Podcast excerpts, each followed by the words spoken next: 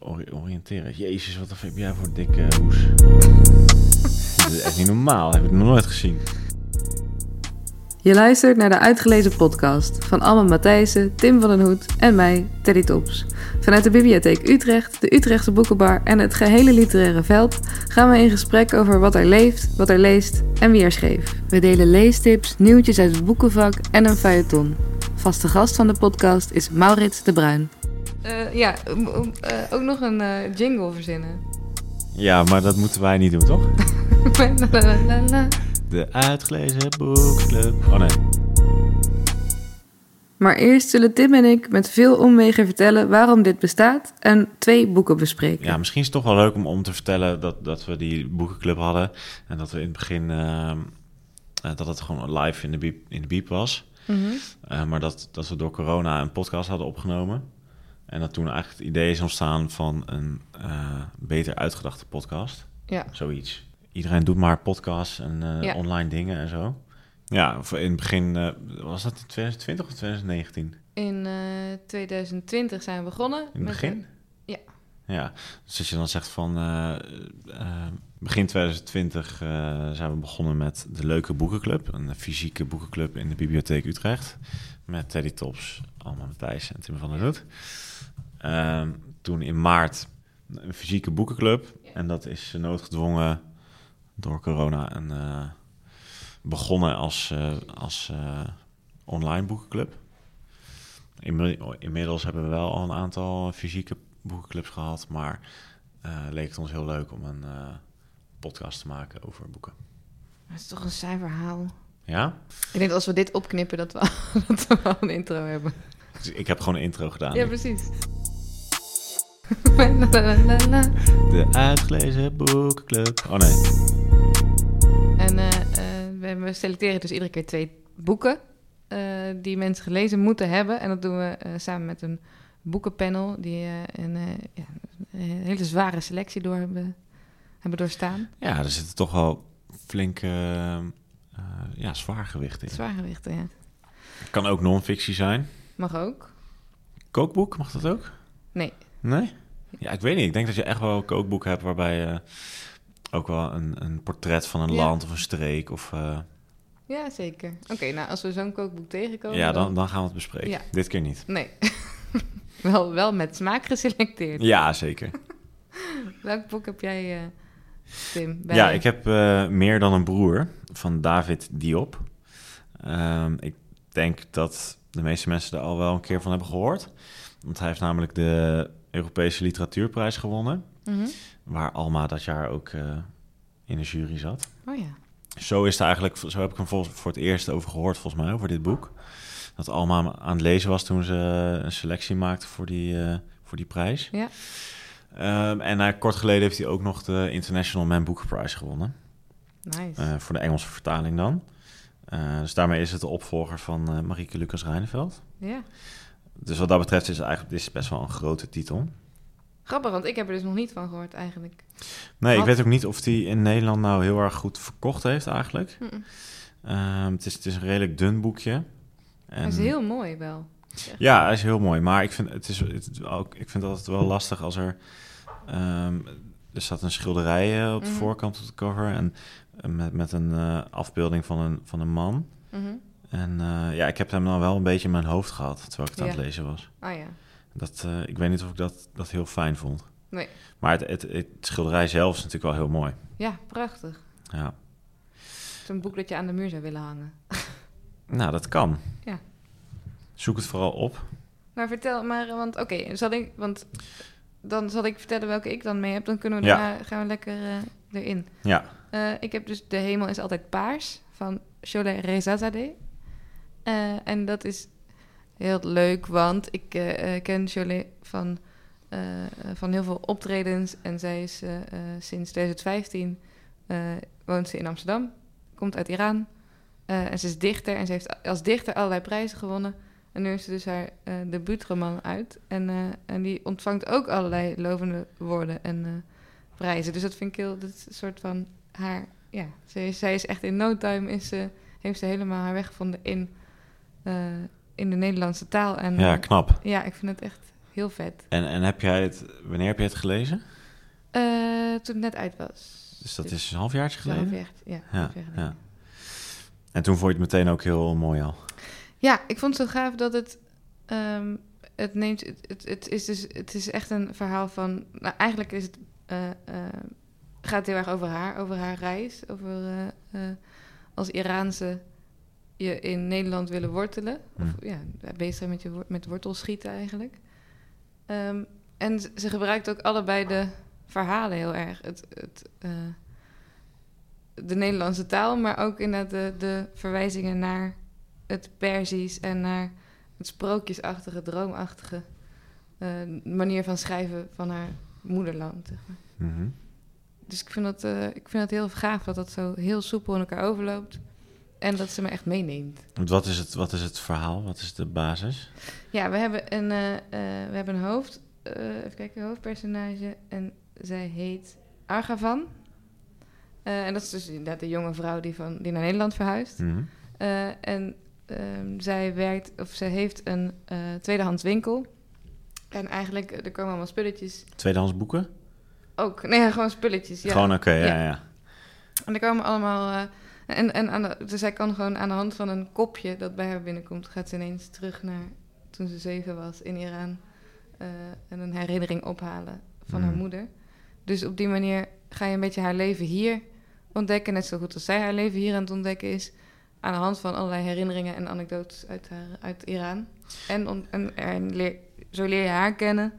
Eh, en het feit dat haar, dat haar eigenlijk haar ontworteling in Iran al veel eerder daar plaatsvond. Namelijk een, eh, een verslaafde vader en, eh, eh, en een moeder die eigenlijk nooit echt voor haar heeft gekozen. Weet je, dat, dat het daar eigenlijk al de, ja, de ontworteling plaatsvond. Maar dat, dat verhaal wordt dan eigenlijk verteld aan de hand van voorwerpen die ze dan in de winkel Ja, ziet. ook. En, en Ja. dat, dat brengt dan eh, eh, herinneringen naar boven. Of, Ja, dus je, maar van alles, ook bomen. Ehm, en ik vind het heel gaaf dat zij dus, want in, het, in eh, haar, ze, ze heeft een heel erg poëtische taal. Hm. Dus ze laat ook ze laat bomen spreken en ze laat bomen hebben, communiceren met elkaar onder de grond.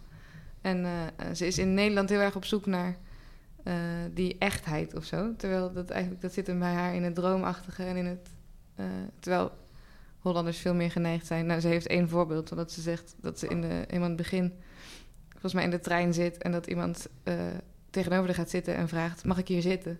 En dat ze denkt: wat, waarom zijn al die Nederlanders steeds van die vragen aan het stellen die niet per se. Je, het, is veel, het is heel lomp of zo. Je voelt, ook, je voelt je ook de hele tijd betrapt op je lompheid als je dit boek leest. Gewoon lomp, omdat, eh, omdat, je, omdat je dan bevestiging wil of zo. Dat, dat het, Ja, en wel vragen stellen, maar ze zegt ook van waarom stelt iedereen wel de hele tijd vragen, maar vraagt niemand wat ik gisteren heb gedroomd of waar je. ja, ja, ja. Gewoon een hele eh, basale vragen. Ja. Eigenlijk gewoon praktische dingen. Ja. Ja, Heel praktisch ingesteld volkje. ja. Maar ze begint ook, vind ik, ik zal even een stukje uit het begin voorlezen, want dat vond ik ook. Dus ze trekt je er meteen in met die poëtische taal. Eh, ik vind het leuk als mensen hun dingen waar ze ooit van hielden in mijn winkel laten staan en zelf vertrekken. Vrijer en lichter. En als ze weg zijn, druk ik mijn neus in de rokken, knuffel ik de poppen, kijk naar de barsten in de borden en hoop dat die spullen zonder angst van het eindige verder kunnen blijven leven. ja, dat is heel mooi. En wat, want wat voor taal is jouw eh, eh, boek geschreven? Wat voor... Ja, dat is ook best wel poëtisch. Ehm, misschien moet ik even vertellen wa- Ja, wat, het verhaal is. het Eh, het gaat over een Senegalese eh, man die mee gaat vechten voor Frankrijk in de Eerste Wereldoorlog. Ehm, en nou, op, het, op het slagveld, hij gaat daar samen met een jeugdvriend gaat hij daarheen. Uh-huh. Vrijwillig eigenlijk. En ehm, die jeugdvriend wordt dan op een gegeven moment, of, nou, vrij in het begin van het boek, eh, vermoord op het slagveld. En dan gaat hij zelf, Alpha heet hij, Alpha Ndiaye, denk ik. Ik weet niet of ik het helemaal goed uitspreek, maar ehm, hij gaat dan eh wraak nemen voor zijn jeugdvriend, voor de dood van zijn jeugdvriend. Maar dat doet hij op een hele eh, gruwelijke manier. Eh, dus het begin van, van het boek is ook wel echt, echt heel heftig, vond ik. Mhm. Ik vond het echt best wel moeilijk om te lezen, omdat het gewoon zo gewelddadig is. Ehm, want hij gaat dan, nou, weet je, zo'n loopgravenoorlog was dat, de Eerste Wereldoorlog. Dus dan vertelt hij over dat hij dan een loopgraven uitgaat. En dat hij dan de handen van vijanden afhakt en meeneemt, mee terugneemt de loopgraven in. Inclusief het geweer dat het vast heeft gehouden Oh, dan. Ehm, dus echt, als je dit gaat lezen, moet je, moet je echt eh, zeker in het begin eh, eh, ja, daar rekening mee houden dat het heel, heel Mhm. expliciet gewelddadig is. Eh, maar Alma zei het ook, dat, dat eigenlijk de taal die, die dat beschrijft het nog draaglijk maakt. Want het is ook best wel, nou ja, heel erg poëtisch opgeschreven. Mhm, Met veel herhaling en eh, herhaling van woorden en herhaling van zinnen. mhm. En daardoor krijgt het echt een soort van eh, ja, urgentie of zo. En, en omdat, het, omdat de taal zo mo- mooi is, ehm, ja, is dat te doen. Ja, Maar ook weer niet, want het is echt... Hij, ja, hij, hij beschrijft gewoon ehm, heel specifiek wat hij dan, wat hij dan doet met, eh, met, met zijn vijand. Ja, De blonde, de blonde vijand, zeg maar. ja. Nu ben jij ook blond. Voelde je... Nee, ik voelde me niet... eh. Ehm, Wat een zwaar, oké, een heel zwaar thema. En, is Ja. het een, een- en de lichtheid zit hem in, in de taal. Ja, er zit eigenlijk geen lichtheid in. Nee. Maar het, het, het maakt het wel eh, leesbaar. Ik denk dat als, als de taal minder poëtisch was geweest, dat het dan, eh, ja, dan te erg was geweest. Ja, Ja. Moest je het vaak wegleggen? toch wel. Ja. En, en eigenlijk de tweede helft van het boek is, weer, is heel klein. En, en dan eh, vertelt hij ook over, over zijn dorp in Senegal, waar hij vandaan komt. Mhm. En dat, dat is juist weer heel emotioneel en eh, niet gewelddadig. Dus die balans is wel is heel mooi. Ja. Maar je blijft wel het hele boek met, met, met een nare, eh, naar gevoel zitten. Omdat je ook weet in het begin hoe dat afloopt. Mhm. Want zijn medesoldaten die, die dan in de, in de loopgraven zitten... die vinden het in, beg- in het begin vinden, vinden die dat wel eh, tof. Dat hij dat die handen meeneemt. En dan, Mhm. dat zorgt voor een soort van gevoel van... eh, ja, ja, wat- ja, wat is dat? Eh, euforie of Mhm. zo. Maar na de, ja, ik weet niet meer precies, maar na de zevende hand of zo, of nee, na de vierde hand, geloof Mhm. ik, dan, dan vinden ze het eigenlijk eh, wel, wel mooi geweest. Ja. En dan, dan wordt hij ook weggezet als, als de tovenaar, zeg maar, als de, Ja. degene die zwarte magie eh, Oh ja. eh, bezigt. En, en, en dat maakt hem weer tot, tot eigenlijk een, ook een, een vijand. Ja. Dan vinden ze het eigenlijk te eng worden. Ja, En dat is... wat ik me wel kan voorstellen. Hij heeft niet echt vrienden. Nee, ja, in het begin dus wel. Maar Ja. dan op een gegeven moment denk je van... ja, misschien is het Ja. toch eh, te vreed. En daar gaat het boek ook wel over. Van, wat, is eh te vreed in een oorlog? Mhm. Want eh, ja, alles wat er in een oorlog gebeurt... Dat, dat moet blijkbaar alsnog binnen een soort van kaders gebeuren. Er zijn, Ja. Binnen een oorlog zijn er ook regels blijkbaar. Want kun je, ga je er wel in mee? Het klinkt als iemand waar je niet je toe kan verhouden of zo. Ehm, nee, aan de ene kant niet, maar aan de andere kant ook weer wel. Omdat hij gewoon een, een vriend, een jeugdvriend verliest. Ja. eh, en, en die wraakgevoelens heeft. Ehm, ja, er zit, nu, nu ik er zo over vertel, dan merk ik dat ik ook ontzettend veel dingen niet vertel eigenlijk. Er, zit, Mhm. er zit heel veel in. Mhm. Ehm, want die vriend die heeft hem ook gesmeekt om hem uit zijn lijden te verlossen. Want hij vindt hem dus zwaar gewond. Mhm. eh, met zijn darmen buiten zijn lichaam. En, en dan smeekt die jeugdvriend hem om hem, om hem uit zijn lijden te verlossen. En dat doet hij dan niet. En daar Mm. krijgt hij spijt van. En ehm, daardoor eh, ja, wil hij dat goed maken door, door hetzelfde te doen bij de vijanden. En nou, het is Ja. allemaal... Het is echt gruwelijk voor Oh, woorden. Maar het, is echt... ehm, ja, ik, ik heb er ook een tip over geschreven in de daar, daar schreef ik volgens mij ook in van... Dit is, dit is een boek wat je gewoon nooit, nooit meer gaat vergeten. Ja. Ehm, Maar als we dan zeggen van eh, je, ga, ga op vakantie en neem dit boek mee. Ja, ik heb het dus wel op vakantie gelezen op Ja. de Schelling. Eh, ja, ik, ik kan dat wel aan, om, omdat ik... eh, ja, ik weet niet waarom. Maar ik kan me wel voorstellen dat als je, naar, als je op strandvakantie gaat en je Ja. wil ontspannen... ja, dan moet je dit boek denk ik niet lezen. nee. Nee. Nee, dan kun je wel dit boek lezen. Ja, dat, dat is wel Ja. iets lichter dan, hè? Nou, het is, wel, het is ook wel zwaar, want het gaat wel ook inderdaad over een vader met een Ja. opiumverslaving. Ja. En over, eh, over echt wel ook over eenzaamheid. Er zit echt door het hele boek heen zit echt best wel... Ja, overal zit eenzaamheid wel in. En eh, over haar zoektocht ook naar ja, vriendschappen. En wat ook heel mooi is, omdat ze die winkel ook een beetje gebruikt om... Ze ontmoet daar nieuwe mensen en ze is gewoon eigenlijk eh, per definitie geïnteresseerd naar het mens daarachter... of naar de verhalen achter, die, achter de persoon. Veel meer dan, eh, dan dat als ik hier mensen in de bibliotheek zie rondlopen... Zo dan, zij is echt, ze kijkt met zo'n andere blik naar, eh, naar mensen die specifiek ergens naar op zoek zijn. Of naar, het, doet, het, doet wel, het zet je wel open of zo. Het maakt je wel een open wondje, dit boek. Mm. Maar, Omdat je gewoon op een andere manier naar anderen gaat kijken. Ja. ja, omdat ze echt wel iets, iets eh, aanzet wat je niet, waar je niet, echt heel erg van bewust bent. Dat iedereen inderdaad verhalen met zich meedraagt en iedereen. En eh, ik weet niet, ik denk dat haar verhalen zijn zoveel meer. eh je, je ruikt gewoon de, de waterpijpen en je, je, bent ook met haar mee iedere keer in die aan de ene kant sprookjeswereld en aan de andere kant dat best wel harde Amsterdamse individualistische Nederland. Ehm, waar zij dan ineens eh, eh, de weg moet vinden. Eh, waardoor je zelf ook als je door een stad heen loopt denkt van... oh, wat zijn dingen inderdaad hard? Of wat is dit? Hm. Ehm, ze, ze beschrijft dingen als... Ik kan nog wel... Ik vind het prettiger om dingen voor te lezen, want Hm. dan kun je het gewoon horen. Eh, oh ja. Ik staar naar een tak die in de gracht drijft. Hij is opgezwollen omdat hij al lang in het water ligt. Ik kijk naar de boom naast de brug waar deze tak misschien vanaf is gevallen. De boom kijkt ook naar het stuk hout.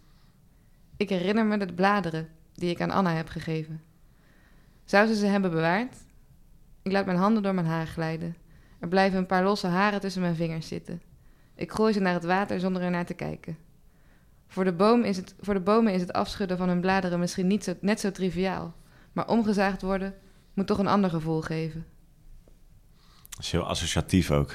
Nou, ik denk, want ik ken haar dus net van haar poëzie. En dan heeft ze heeft ook een heel mooi, mooi gedicht over eh, hoe ze door de, straten van, of door de straten en de grachten van Amsterdam fietst. En eigenlijk vind ik per definitie mensen die over de grachten van Amsterdam schrijven vervelend. Ja, Maar zij kan het op zo'n andere, nieuwe manier eh, beschrijven. Omdat dat het draaglijk wordt. ja. ja, omdat het zo poëtisch is en zo vanuit zo'n andere achtergrond en insteek en Ja. zo'n verwondering. Ik vind echt die oprechte, kin- bijna kinderlijke verwondering eh, die, die erin zit, die vind ik echt eh, wonderschoon. Ja. Ja.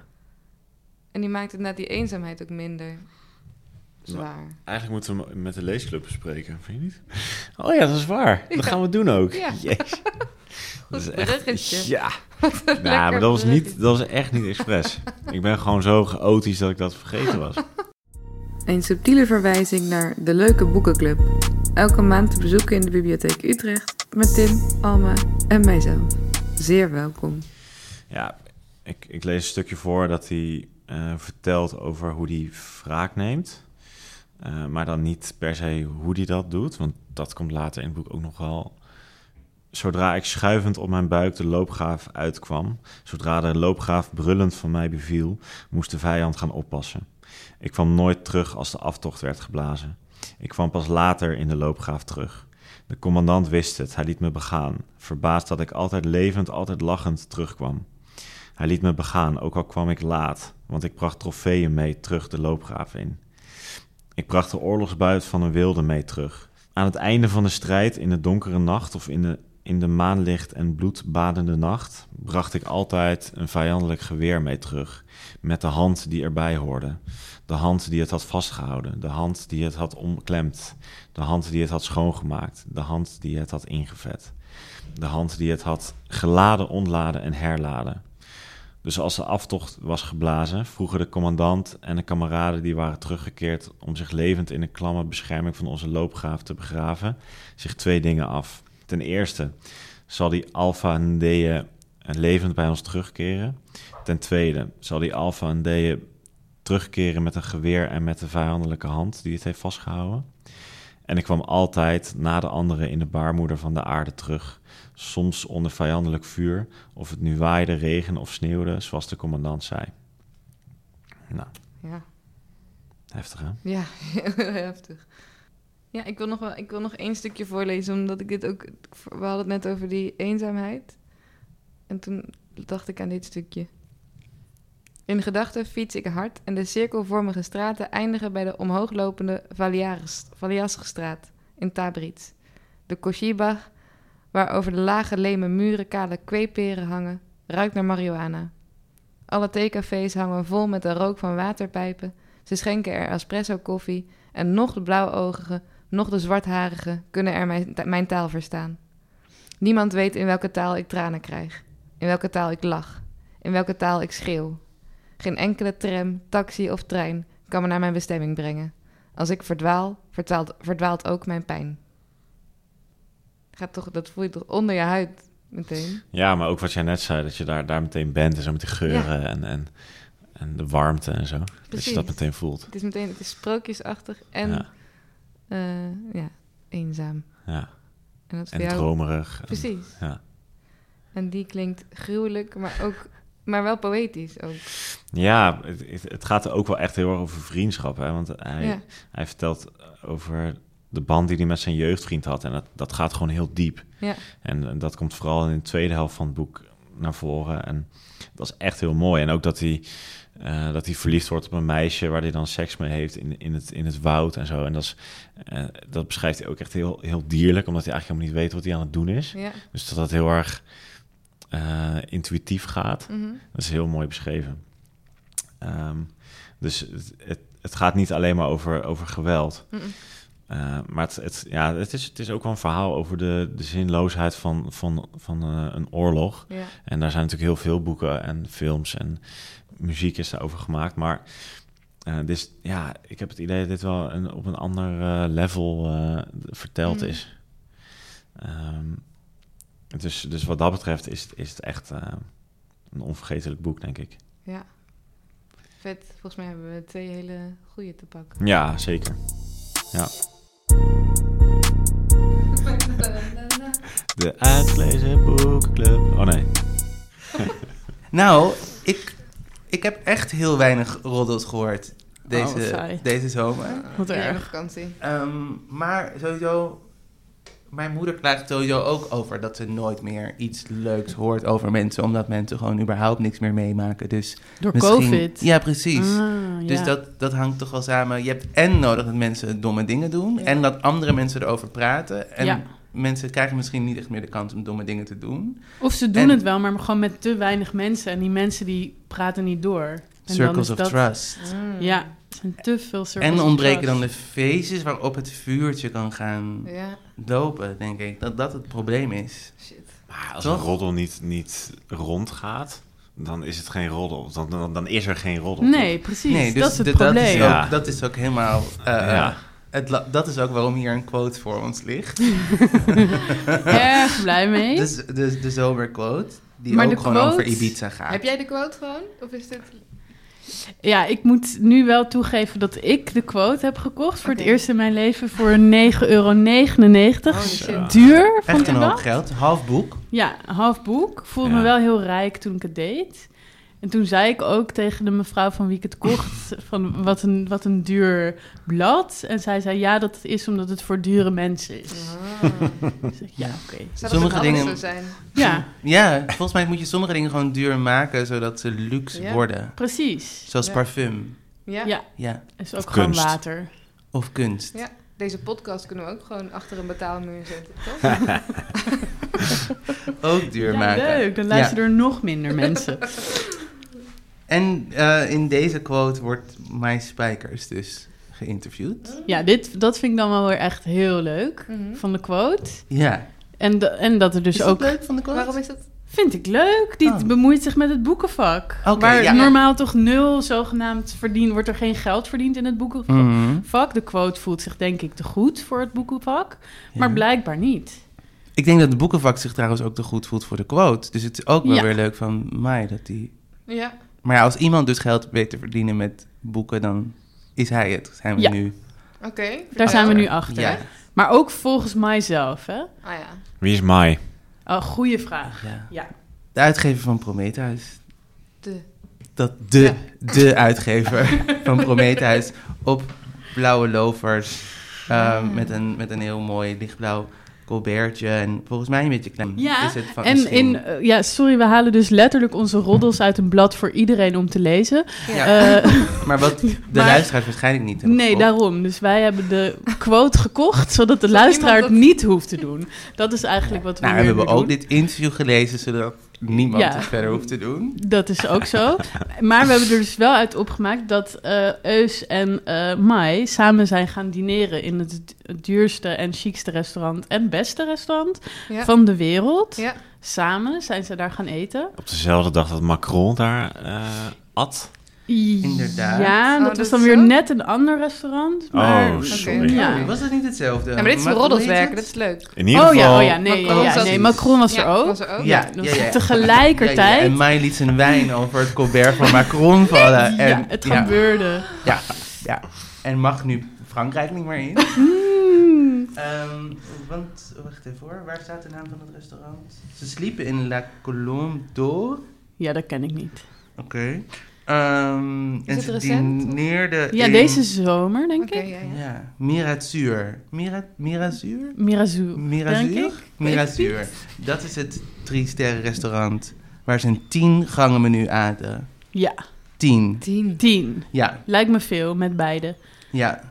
Ehm, en daar hadden ze dus over hun... Wat moesten ze ook weer doen? Ze hebben het over hun armoede gehad. Want dat is een beetje dit, ook wat de interviewer dwars zit. Een armoede? Dat, dat Mai komt, komt van, van, vroeger. Oh. van vroeger. Ja, Ja. waar- die Ja. ze dus hebben weten af te schudden. Dat Ja. is een beetje Mai zijn stick, toch? Ja. Vertelt altijd over... Started from the bottom, basically. Dat is het nummer wat hij telkens afdraait. En eh, de interviewer eh, wil dus dat verhaal niet horen. Nee, daar Ah. heeft hij geen zin in. Nee, maar we krijgen dat verhaal dan ook niet te horen. Dus is in die zin ergens... Ja, Nee, wat we wel te horen krijgen is dus ehm, hoeveel boeken hij heeft verkocht. Hoeveel? Ehm, nou, er komen gewoon een paar voorbeelden langs. Dus toch zijn eerste bestseller was De Vriendschap van Palme. maar vooral gewoon het belangrijkste, Palme. 10 miljoen, toch? Uiteindelijk heeft hij een eigen vermogen van 10 miljoen. Maar dat vindt hij te laag. Want Ja. dat is wat Quote zegt. Nou, hij vindt het te laag ingeschat, hè? Ja. Ja. Hij zegt, ik mag hopen dat het meer is. Ja. Heb je, heb je dit Ja. ook gelezen? Ik heb een stuk gelezen, ja. Net. Tot de paywall me tegenhield. Ach, Toen dacht ik, nou, Ja, dan daar hoor ik de rest van armoedzaaier dat je er bent. Dacht ik, zal ik hem kopen? Maar ik vind het grappige daaraan dat voor ik dacht dat echt rijke mensen het vooral fijner vonden als mensen dachten dat ze armer waren dan ze zijn. Hmm. Maar hij, misschien is dat dat started from the bottom, wil Ja. dat absoluut dus niet. Dat mensen denken dat hij slechts 10 miljoen heeft. Ja. Hmm. Meer. En dat is dus gebeurd door de vriendschap van Connie Palme en door Franka Treur en door Martin Bril en door Griet op de Beek. Maar ook Fifty Shades of Grey. En Fifty Shades. ja, maar daar mag je niet over praten, want dan wordt hij boos. Zijn die schrijvers Ja. eigenlijk ook Waarom rijk? wordt hij daar boos over? Ja. Ja. dat is wel een goede vraag, inderdaad. Wat was de vraag? Zijn die schrijvers ook rijk? Nou, ja, als je 500.000 verkoopt eh, en een boek kost 20 euro, dan krijg je 2 euro per boek als schrijver. Ja. Dus dan ben je miljonair.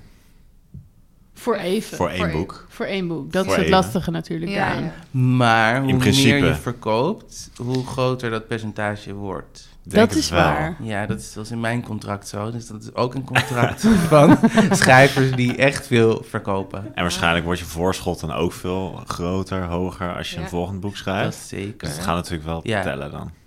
Dus ergens is het leuk om te lezen voor mij, want ik denk dan, oh, er is hoop. Ja. En aan de andere kant confronteert het me met hoeveel geld er wel in het boekenvak wordt verdiend, maar niet door mensen als ik. Ja, Mm. dat is volgens mij eigenlijk gewoon de roddel. Het boekenvak staat in de quote. Het kan toch?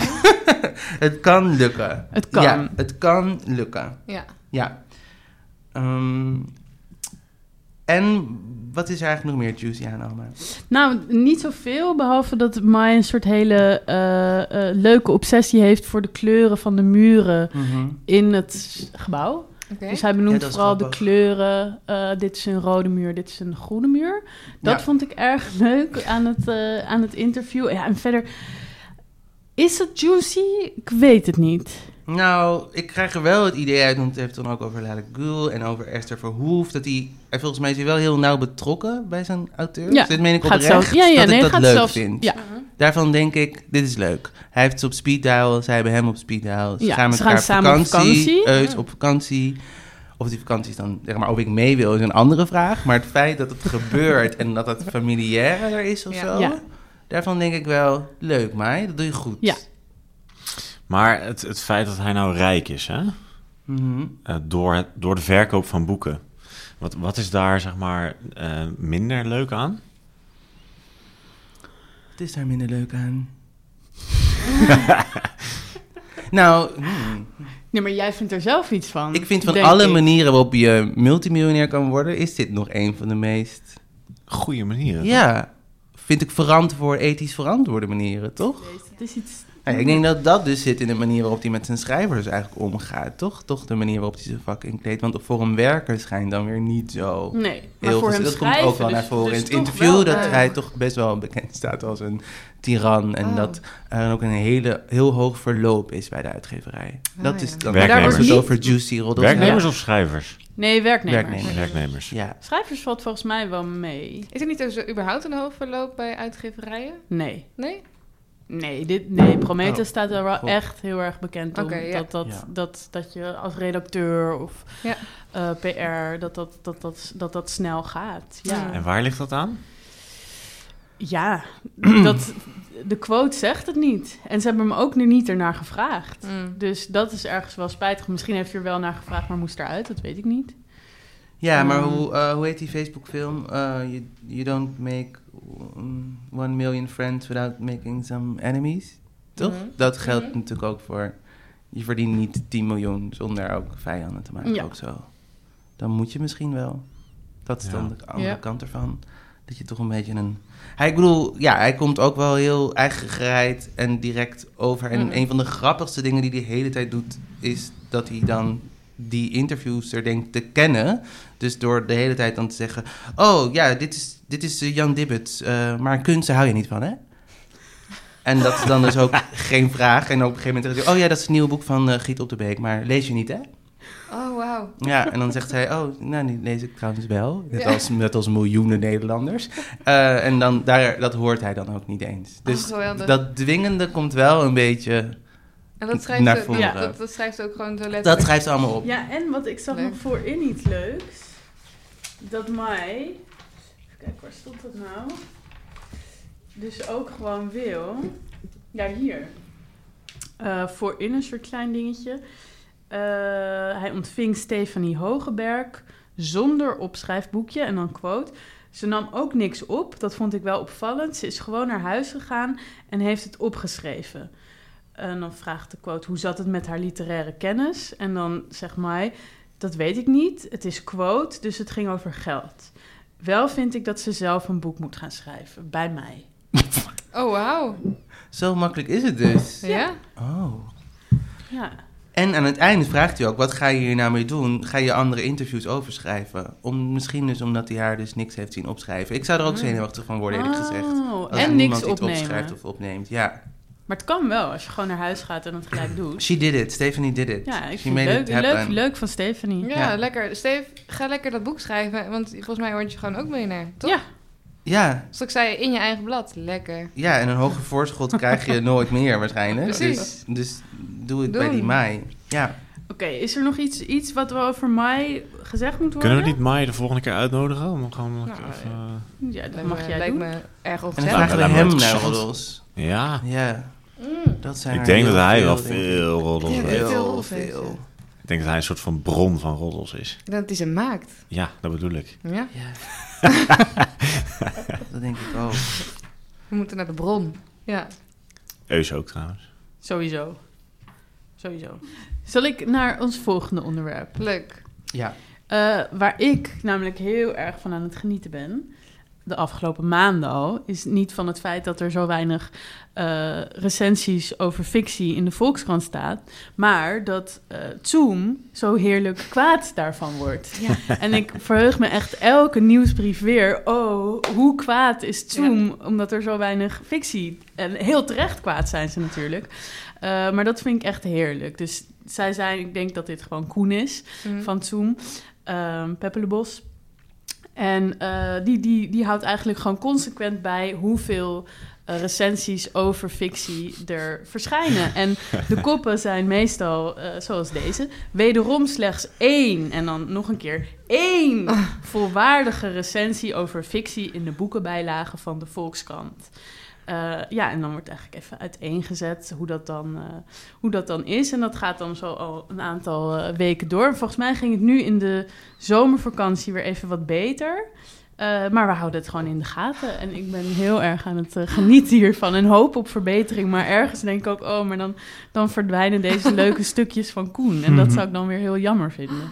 Maar is, is het elke dag of elke week dat hij dit Volgens doet? mij elke week. Oké. Eh, dus zeg maar de nieuwsbrief van Zoom, waar ik zou, als ik iedereen was, zou ik me daar echt gelijk op abonneren.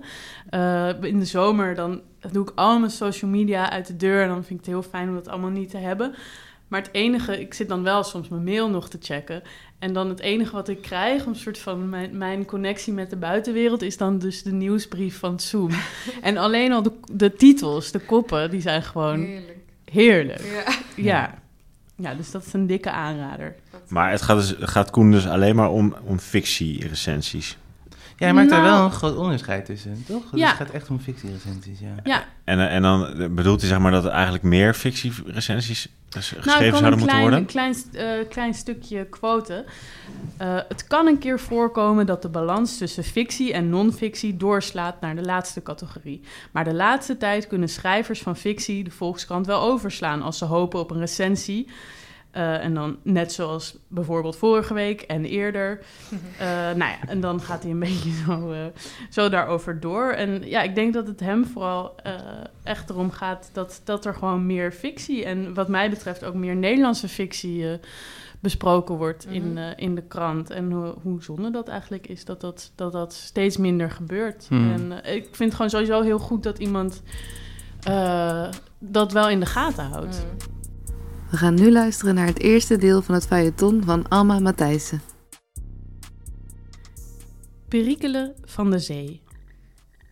Minister-president Glad was nooit zenuwachtig, ook deze nacht niet. Hij had precies in zijn kop hoe hij het volgende morgen zou gaan aanpakken. Op de bodem van de Noordzee vond hij zijn plekje, tussen honderden haringen die tot zijn school behoorden. Daar deinde hij zachtjes mee op de stroming, net als de anderen, al wist hij donders goed dat hij niet hetzelfde was. Hij wist namelijk hoe de zee in elkaar stak en hoe je die kon beïnvloeden. Moeiteloos voelde hij aan waar behoefte aan was. Het zat in zijn bloed, had zijn moeder ooit tegen hem gezegd. Met die gedachte doezelde hij zichzelf in slaap. Nooit had hij moeite om in slaap te komen en iedere morgen, als de eerste zonnestralen het water penetreerden, werd hij vrolijk wakker. Met goede zin om de vissen weer de richting op te sturen die hij juist vond. Ik ben ongelooflijk trots op de afgelopen tien jaar, zei Glad tot zijn kompanen. De schoolharingen zweefden rondom hem, alle ogen waren op hem gericht. Er waren ook andere soorten bij. Uit het diepe zwommen een paar ponen op de verzamelde menigte af. Een tarbot schudde het zand van zich af en klapwiekte met zijn vinnen om glad beter te horen. Met een zwaar hart moet ik jullie het volgende meedelen. Heel in de verte zwom een tuimelaar. Niet goed zichtbaar voor glad. Ze luisterde mee, zoals ze al jaren meeluisterde, als glad weer een van zijn toespraken hield. De dwaalgasten zijn terug. De school trilde gezamenlijk. Ze hebben onze stroom gevonden. Gisteren alleen al hebben ze meerdere van onze broeders en zusters gepakt.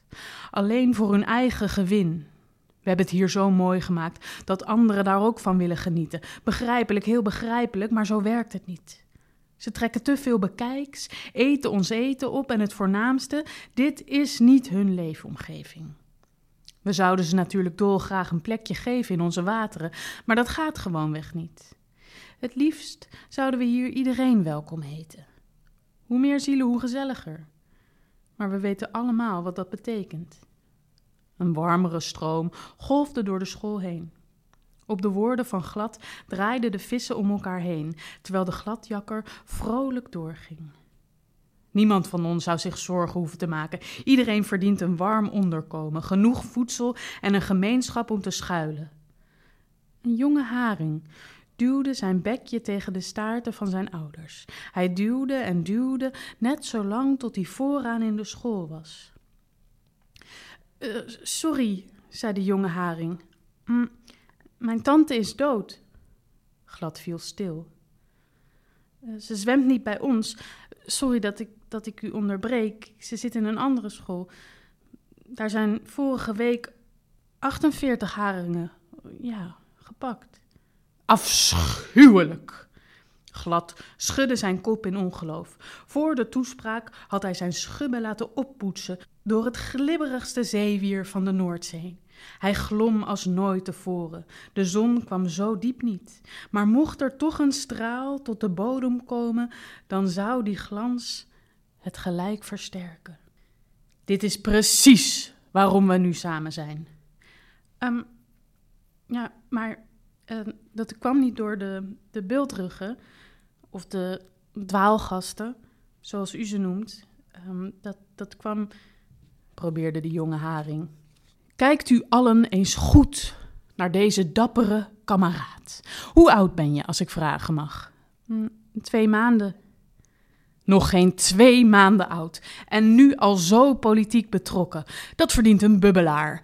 De hele school klapperde met hun kieuwen, zoog lucht binnen en blies die gezamenlijk uit. Duizenden bubbels schoten omhoog. Het jonge visje werd meegetrokken in de stroom, botste tegen andere haringen. Toen de bubbelaar was gestopt, keek de jonge haring om zich heen, terug op zijn oude plek, helemaal achteraan. De andere vissen nu nog dichter tegen elkaar aangedrukt. We hebben vissen als de jonge heer die we net spraken nodig. Zij maken onze zee tot wat het is. Zonder hen geen leven, zonder hen geen zee. De school vibreerde gezamenlijk.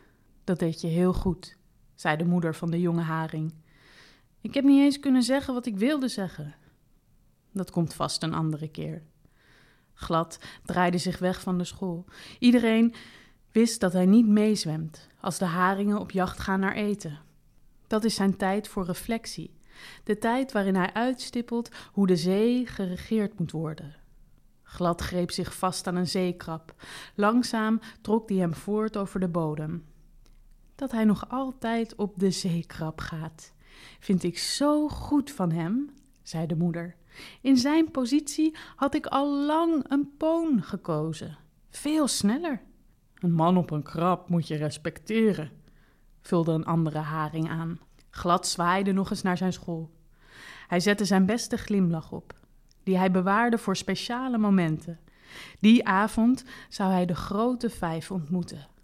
De representatieve van de plankton, de zeeanemonen, de bruinvinnen, de rubberachtige en de haringen. En hij wist al precies wat hij zou gaan zeggen. Je luisterde naar de uitgelezen podcast van Tim van den Hoed, Alma Matthijssen en mij, Teddy Tops. Met als vaste gast Maurits de Bruin. Vanuit de Bibliotheek Utrecht en de Utrechtse Boekenbar. Doe dat vooral nog eens. En kom live naar de leuke boekenclub. De uitgelezen boekenclub. Oh nee.